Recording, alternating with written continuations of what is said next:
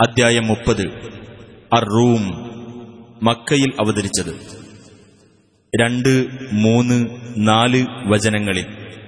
റോമക്കാർ യുദ്ധത്തിൽ പരാജയപ്പെട്ടതിനെക്കുറിച്ച് പരാമർശിക്കുകയും സമീപഭാവിയിൽ അവർ വിജയിക്കുമെന്ന് പ്രവചിക്കുകയും ചെയ്തിട്ടുള്ളതിനാലാണ് ഈ അദ്ധ്യായത്തിന് റൂം എന്ന് പേർ നൽകപ്പെട്ടത്.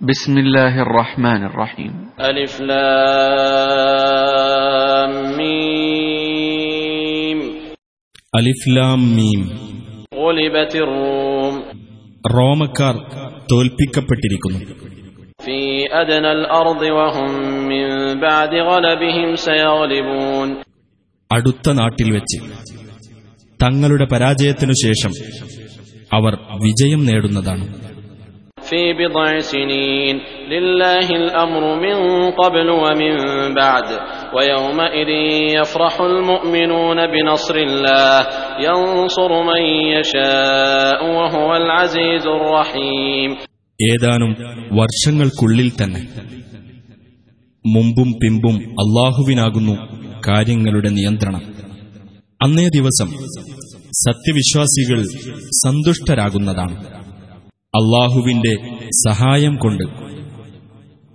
താൻ ഉദ്ദേശിക്കുന്നവരെ അവൻ സഹായിക്കുന്നു അവനത്രേ പ്രതാപിയും കരുണാനിധിയും وعد الله لا يخلف الله وعده ولكن أكثر الناس لا يعلمون അള്ളാഹുവിന്റെ വാഗ്ദാനമത്രേ ഇത് അള്ളാഹു അവന്റെ വാഗ്ദാനം ലംഘിക്കുകയില്ല പക്ഷേ മനുഷ്യരിൽ അധിക പേരും മനസ്സിലാക്കുന്നില്ല.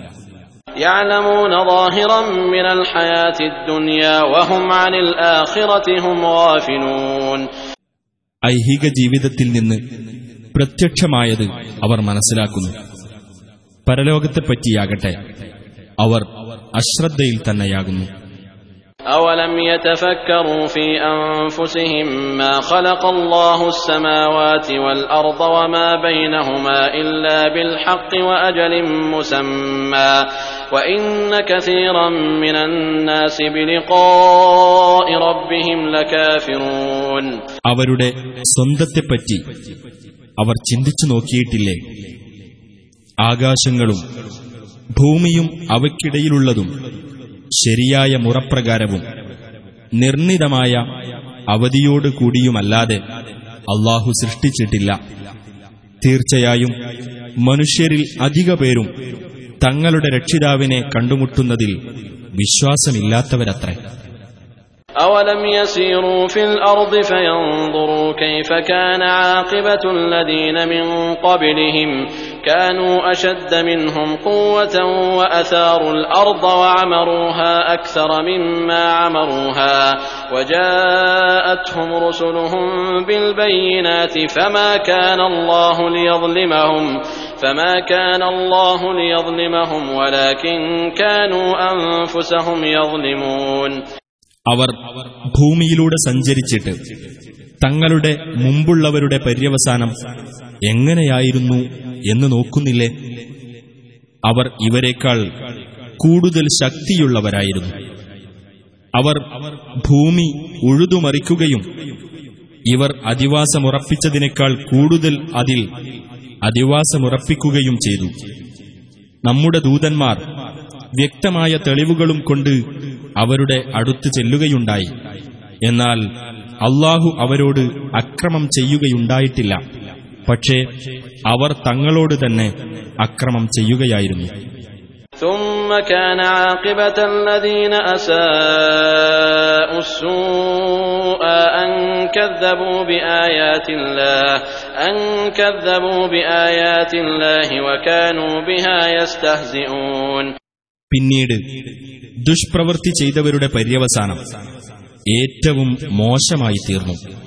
അള്ളാഹുവിന്റെ ദൃഷ്ടാന്തങ്ങൾ അവർ നിഷേധിച്ചു തള്ളുകയും അവയെപ്പറ്റി അവർ പരിഹസിച്ചുകൊണ്ടിരിക്കുകയും ചെയ്തതിന്റെ ഫലമത്രേ അത്.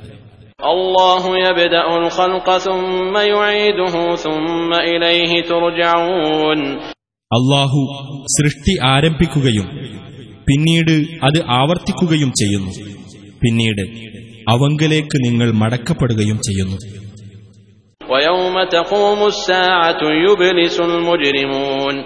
അന്ത്യസമയം നിലവിൽ വരുന്ന ദിവസം കുറ്റവാളികൾ ആശയറ്റവരാകും ولم يكن لهم من شركائهم شفعاء وكانوا بشركائهم كافرين അവർ പങ്കാളികളാക്കിയവരുടെ കൂട്ടത്തിൽ അവർക്ക് ശുപാർശക്കാർ ആരുമുണ്ടായിരിക്കുകയില്ല അവരുടെ ആ പങ്കാളികളെ തന്നെ അവർ നിഷേധിക്കുന്നവരാവുകയും ചെയ്യും.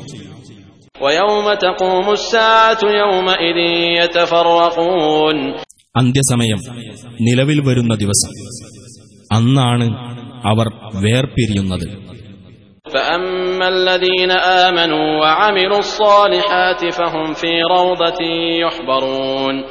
എന്നാൽ വിശ്വസിക്കുകയും സൽക്കർമ്മങ്ങൾ പ്രവർത്തിക്കുകയും ചെയ്തവരാരോ?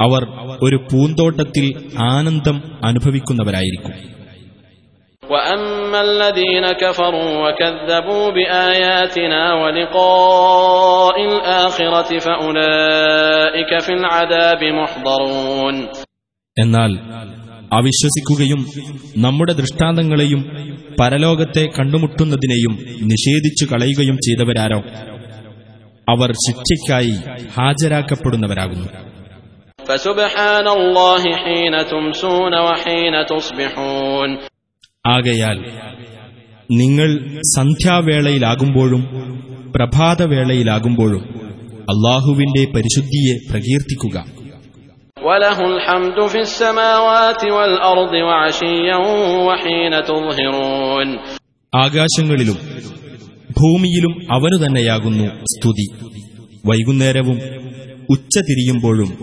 അവനെ നിങ്ങൾ പ്രകീർത്തിക്കുക يخرج الحي من الميت ويخرج الميت من الحي ويحيي الأرض بعد موتها وكذلك تخرجون നിർജീവമായതിൽ നിന്ന് ജീവനുള്ളതിനെ അവൻ പുറത്തു കൊണ്ടുവരുന്നു ജീവനുള്ളതിൽ നിന്ന് നിർജീവമായതിനെയും അവൻ പുറത്തു കൊണ്ടുവരുന്നു ഭൂമിയുടെ നിർജീവാവസ്ഥയ്ക്കു ശേഷം അതിനവൻ ജീവൻ നൽകുകയും ചെയ്യുന്നു അതുപോലെ തന്നെ നിങ്ങളും പുറത്തു കൊണ്ടുവരപ്പെടും ومن آياته أن خلقكم من تراب ثم إذا أنتم بشر تنتشرون നിങ്ങളെ അവൻ മണ്ണിൽ നിന്ന് സൃഷ്ടിച്ചു എന്നിട്ട് നിങ്ങളതാ ലോകമാകെ വ്യാപിക്കുന്ന മനുഷ്യവർഗമായിരിക്കുന്നു ഇത് അവന്റെ ദൃഷ്ടാന്തങ്ങളിൽപ്പെട്ടതത്രേ ومن آياته أن خلق لكم من أنفسكم أزواجا لتسكنوا إليها وجعل بينكم مودة ورحمة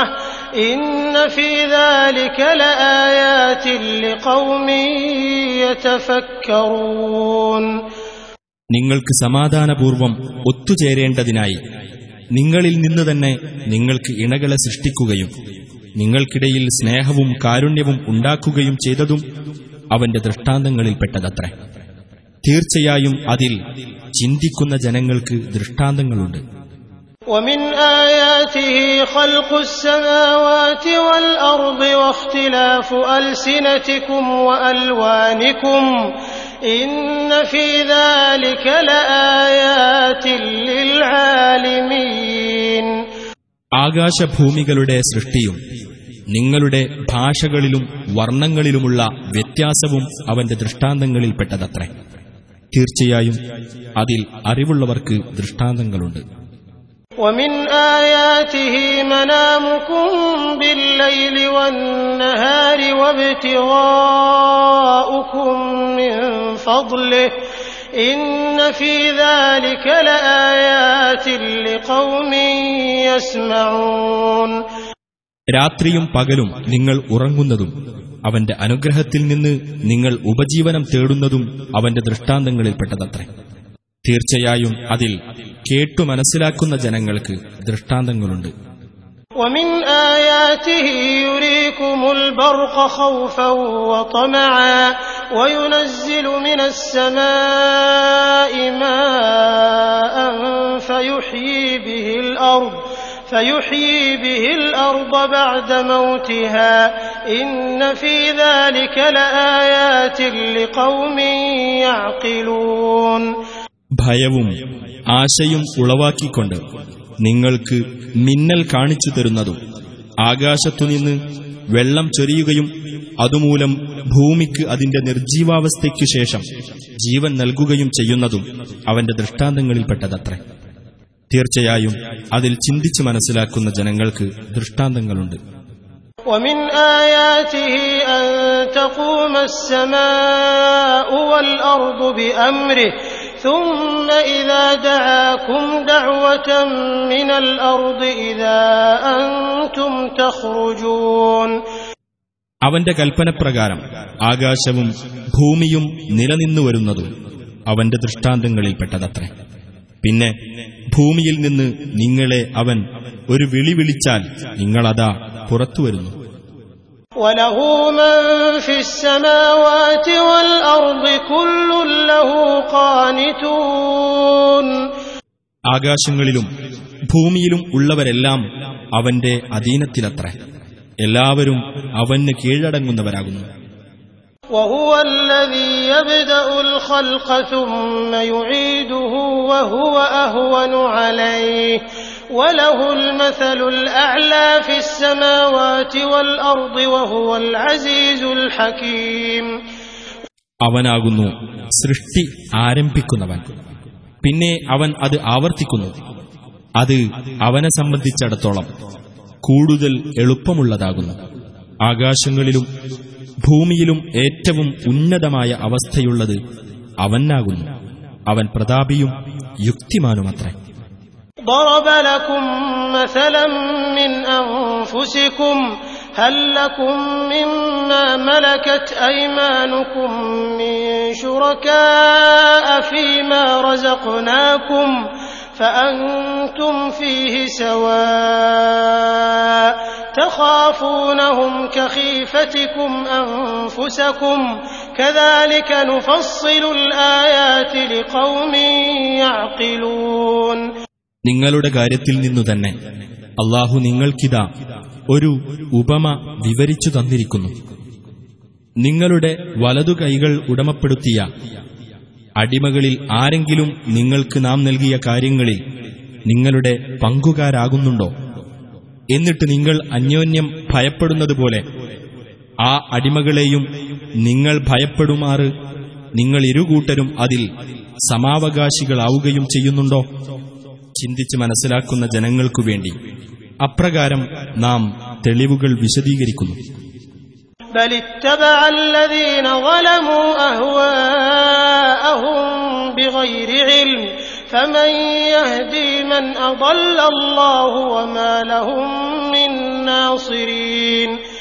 പക്ഷേ അക്രമം പ്രവർത്തിച്ചവർ യാതൊരു അറിവുമില്ലാതെ തങ്ങളുടെ തന്നിഷ്ടങ്ങളെ പിൻപറ്റിയിരിക്കുകയാണ്. അപ്പോൾ അള്ളാഹു വഴിതെറ്റിച്ചവരെ ആരാണ് സന്മാർഗത്തിലാക്കുക അവർക്ക് സഹായികളായി ആരുമില്ല فأقم وجهك للدين حنيفا فطرة الله التي فطر الناس عليها لا تبديل لخلق الله ذلك الدين القيم ولكن أكثر الناس لا يعلمون ആകയാൽ സത്യത്തിൽ നേരെ നിലകൊള്ളുന്നവനായിട്ട് നിന്റെ മുഖത്തെ നീ മതത്തിലേക്ക് തിരിച്ചു നിർത്തുക അള്ളാഹു മനുഷ്യരെ ഏതൊരു പ്രകൃതിയിൽ സൃഷ്ടിച്ചിരിക്കുന്നുവോ ആ പ്രകൃതിയത്രേ അത് അള്ളാഹുവിന്റെ സൃഷ്ടിവ്യവസ്ഥയ്ക്ക് യാതൊരു മാറ്റവുമില്ല അതത്രേ വക്രതയില്ലാത്ത മതം പക്ഷേ മനുഷ്യരിൽ അധിക പേരും മനസ്സിലാക്കുന്നില്ല منيبين إليه واتقوه وأقيموا الصلاة ولا تكونوا من المشركين നിങ്ങൾ അവങ്കിലേക്ക് തിരിഞ്ഞവരായിരിക്കുകയും അവനെ സൂക്ഷിക്കുകയും നമസ്കാരം മുറപോലെ നിർവഹിക്കുകയും ചെയ്യുക. നിങ്ങൾ ബഹുദൈവാരാധകരുടെ കൂട്ടത്തിലായി പോകരുത്.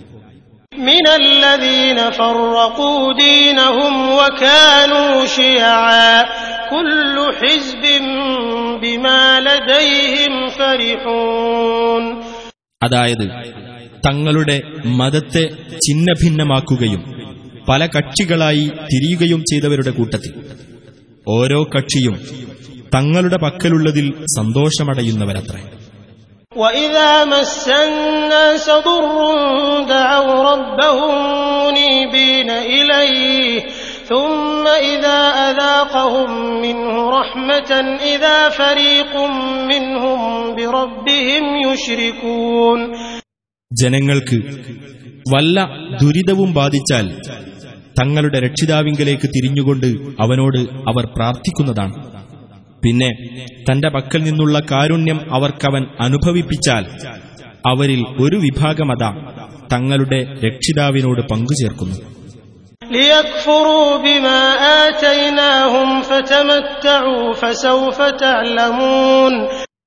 അങ്ങനെ നാം അവർക്ക് നൽകിയതിനു നന്ദികേട് കാണിക്കുകയത്രേ അവർ ചെയ്യുന്നത്.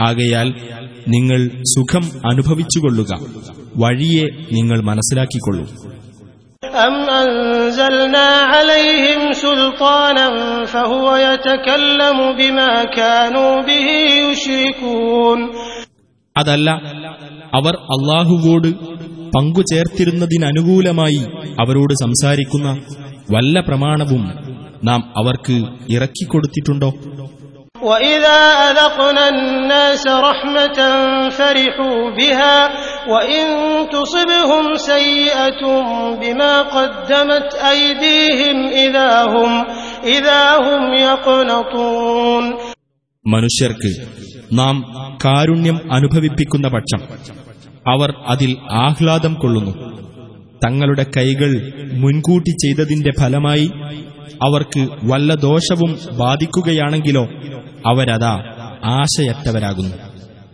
أولم يروا أن الله يبسط الرزق لمن يشاء ويقدر إن في ذلك لآيات لقوم يؤمنون താൻ ഉദ്ദേശിക്കുന്നവർക്ക് അള്ളാഹു ഉപജീവനം വിശാലമാക്കുകയും താൻ ഉദ്ദേശിക്കുന്നവർക്ക് ഇടുങ്ങിയതാക്കുകയും ചെയ്യുന്നു എന്ന് അവർ കണ്ടില്ലേ?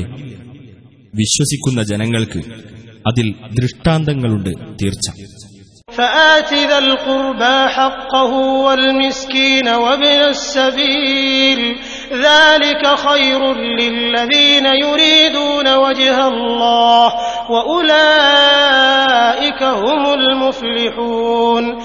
ആകയാൽ കുടുംബബന്ധമുള്ളവന് നീ അവന്റെ അവകാശം കൊടുക്കുക അഗതിക്കും വഴിപോക്കനും അവരുടെ അവകാശവും നൽകുക അള്ളാഹുവിന്റെ പ്രീതി ലക്ഷ്യമാക്കുന്നവർക്ക് അതാണുത്തമം അവർ തന്നെയാണ് വിജയികളും وما آتيتم من ربا ليربو في أموال الناس فلا يربو عند الله وما آتيتم من زكاة تريدون وجه الله فأولئك فأولئك هم المضعفون ജനങ്ങളുടെ സ്വത്തുക്കളിലൂടെ വളർച്ച നേടുവാനായി നിങ്ങൾ വല്ലതും പലിശയ്ക്ക് കൊടുക്കുന്ന പക്ഷം അള്ളാഹുവിങ്കൽ അത് വളരുകയില്ല അള്ളാഹുവിന്റെ പ്രീതി ലക്ഷ്യമാക്കിക്കൊണ്ട് നിങ്ങൾ വല്ലതും ജക്കാത്തായി നൽകുന്ന പക്ഷം അങ്ങനെ ചെയ്യുന്നവരത്രേ ഇരട്ടി സമ്പാദിക്കുന്നവർ الله الذي خلقكم ثم رزقكم ثم يميتكم ثم يحييكم هل من شركائكم من يفعل من ذلكم من شيء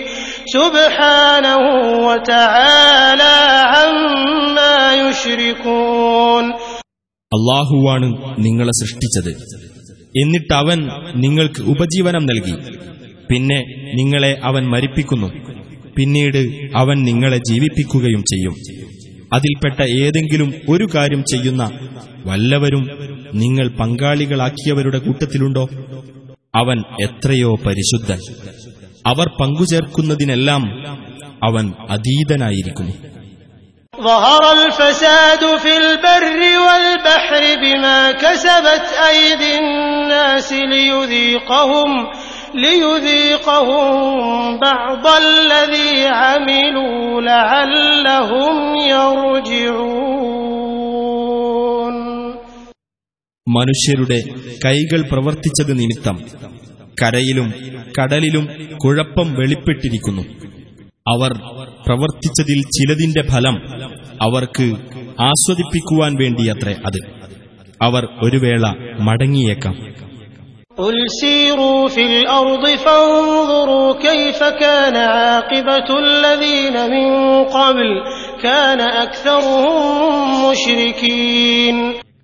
നബിയെ പറയുക നിങ്ങൾ ഭൂമിയിലൂടെ സഞ്ചരിച്ചിട്ട് മുമ്പുണ്ടായിരുന്നവരുടെ പര്യവസാനം എങ്ങനെയായിരുന്നുവെന്ന് നോക്കുക അവരിൽ അധിക പേരും ബഹുദൈവാരാധകരായിരുന്നു فأقم وجهك للدين القيم من قبل أن يأتي يوم لا مرد له من الله يومئذ يصدعون ആകയാൽ അള്ളാഹുവിൽ നിന്ന് ആർക്കും തടുക്കാനാവാത്ത ഒരു ദിവസം വരുന്നതിനു മുമ്പായി നീ നിന്റെ മുഖം വക്രതയില്ലാത്ത മതത്തിലേക്ക് തിരിച്ചു നിർത്തുക അന്നേ ദിവസം ജനങ്ങൾ രണ്ടു വിഭാഗമായി പിരിയുന്നതാണ് من كفر فعليه كفره ومن عمل صالحا فلأنفسهم يمهدون വല്ലവനും നന്ദികേട് കാണിച്ചാൽ അവന്റെ നന്ദികേടിന്റെ ദോഷം അവനു തന്നെയായിരിക്കും വല്ലവനും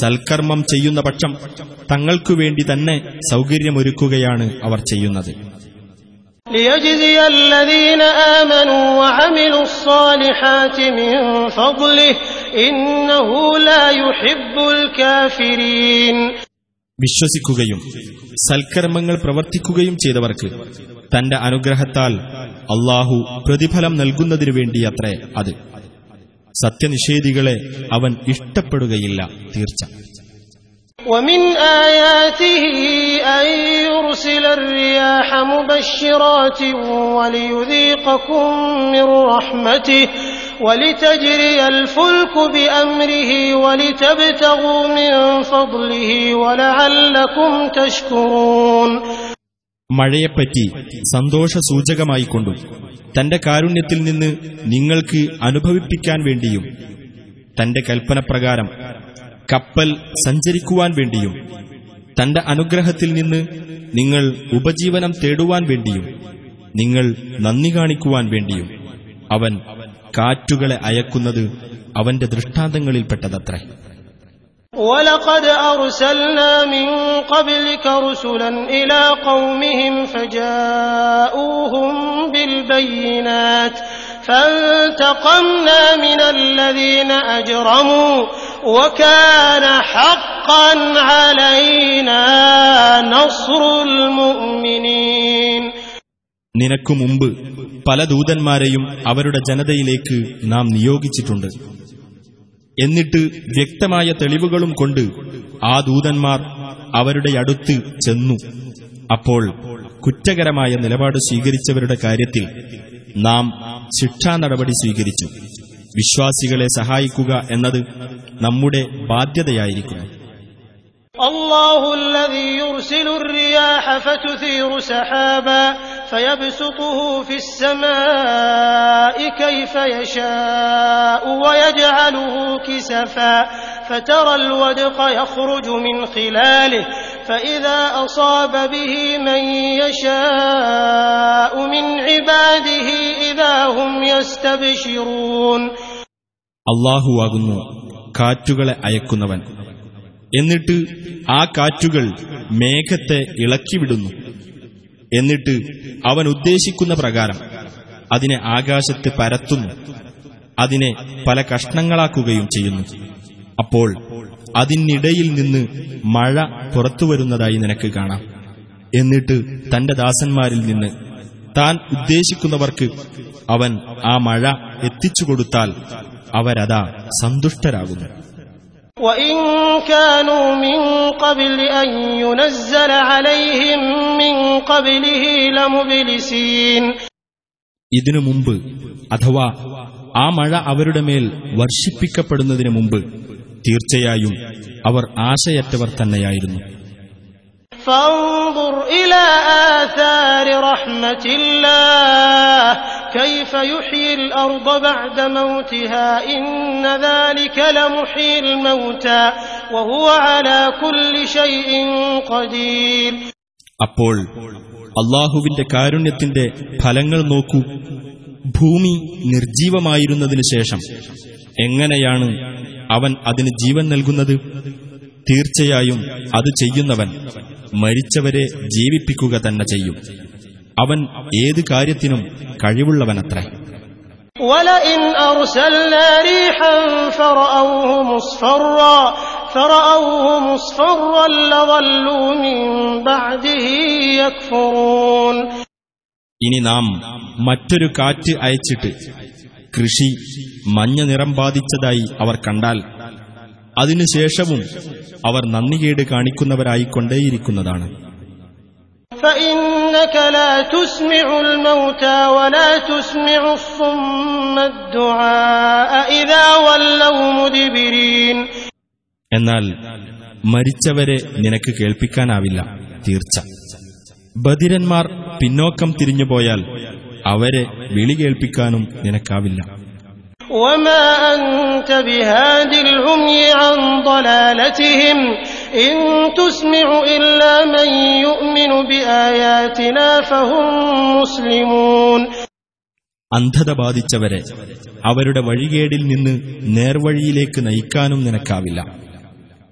നമ്മുടെ ദൃഷ്ടാന്തങ്ങളിൽ വിശ്വസിക്കുന്നവരും എന്നിട്ട് കീഴ്പ്പെട്ട് ജീവിക്കുന്നവരുമായിട്ടുള്ളവരെയല്ലാതെ നിനക്ക് കേൾപ്പിക്കാനാവില്ല الله الذي خلقكم من ضعف ثم جعل من بعد ضعف قوة ثم جعل من بعد قوة ضعفا وشيبة يخلق ما يشاء وهو العليم القدير നിങ്ങളെ ബലഹീനമായ അവസ്ഥയിൽ നിന്ന് സൃഷ്ടിച്ചുണ്ടാക്കിയവനാകുന്നു അള്ളാഹു പിന്നെ ബലഹീനതയ്ക്കു ശേഷം അവൻ ശക്തിയുണ്ടാക്കി പിന്നെ അവൻ ശക്തിക്കു ശേഷം ബലഹീനതയും നരയും ഉണ്ടാക്കി.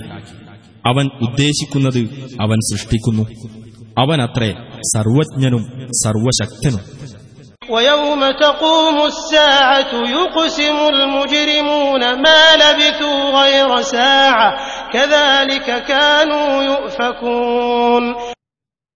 അന്ത്യസമയം നിലവിൽ വരുന്ന ദിവസം കുറ്റവാളികൾ സത്യം ചെയ്ത് പറയും. തങ്ങൾ ഇഹലോകത്ത് ഒരു നാഴിക നേരമല്ലാതെ കഴിച്ചുകൂട്ടിയിട്ടില്ലെന്ന് അപ്രകാരം തന്നെയായിരുന്നു അവർ സത്യത്തിൽ നിന്ന് തെറ്റിക്കപ്പെട്ടിരുന്നത് وقال الذين أوتوا العلم والإيمان لقد لبثتم في كتاب الله إلى يوم البعث فهذا يوم البعث ولكنكم كنتم لا تعلمون വിജ്ഞാനവും വിശ്വാസവും നൽകപ്പെട്ടവർ ഇപ്രകാരം പറയുന്നതാണ്. അള്ളാഹുവിന്റെ രേഖയിലുള്ള പ്രകാരം ഉയർത്തെഴുന്നേൽപ്പിന്റെ നാളുവരെ നിങ്ങൾ കഴിച്ചുകൂട്ടിയിട്ടുണ്ട്. എന്നാൽ ഇതാ ഉയർത്തെഴുന്നേൽപ്പിന്റെ നാൾ. പക്ഷേ നിങ്ങൾ അതിനെപ്പറ്റി മനസ്സിലാക്കിയിരുന്നില്ല. ഫയൗമ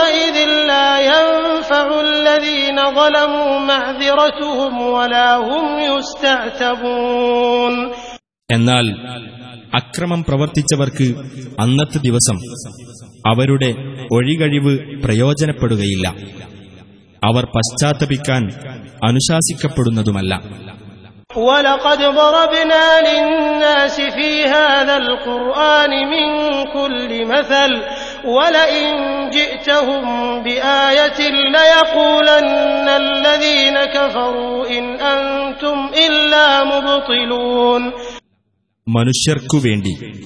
ഈ ഖുർആാനിൽ എല്ലാവിധ ഉപമയും നാം വിവരിച്ചിട്ടുണ്ട്. നീ വല്ല ദൃഷ്ടാന്തവും കൊണ്ട് അവരുടെ അടുത്തു ചെന്നാൽ അവിശ്വാസികൾ പറയും നിങ്ങൾ അസത്യവാദികൾ മാത്രമാണെന്ന്.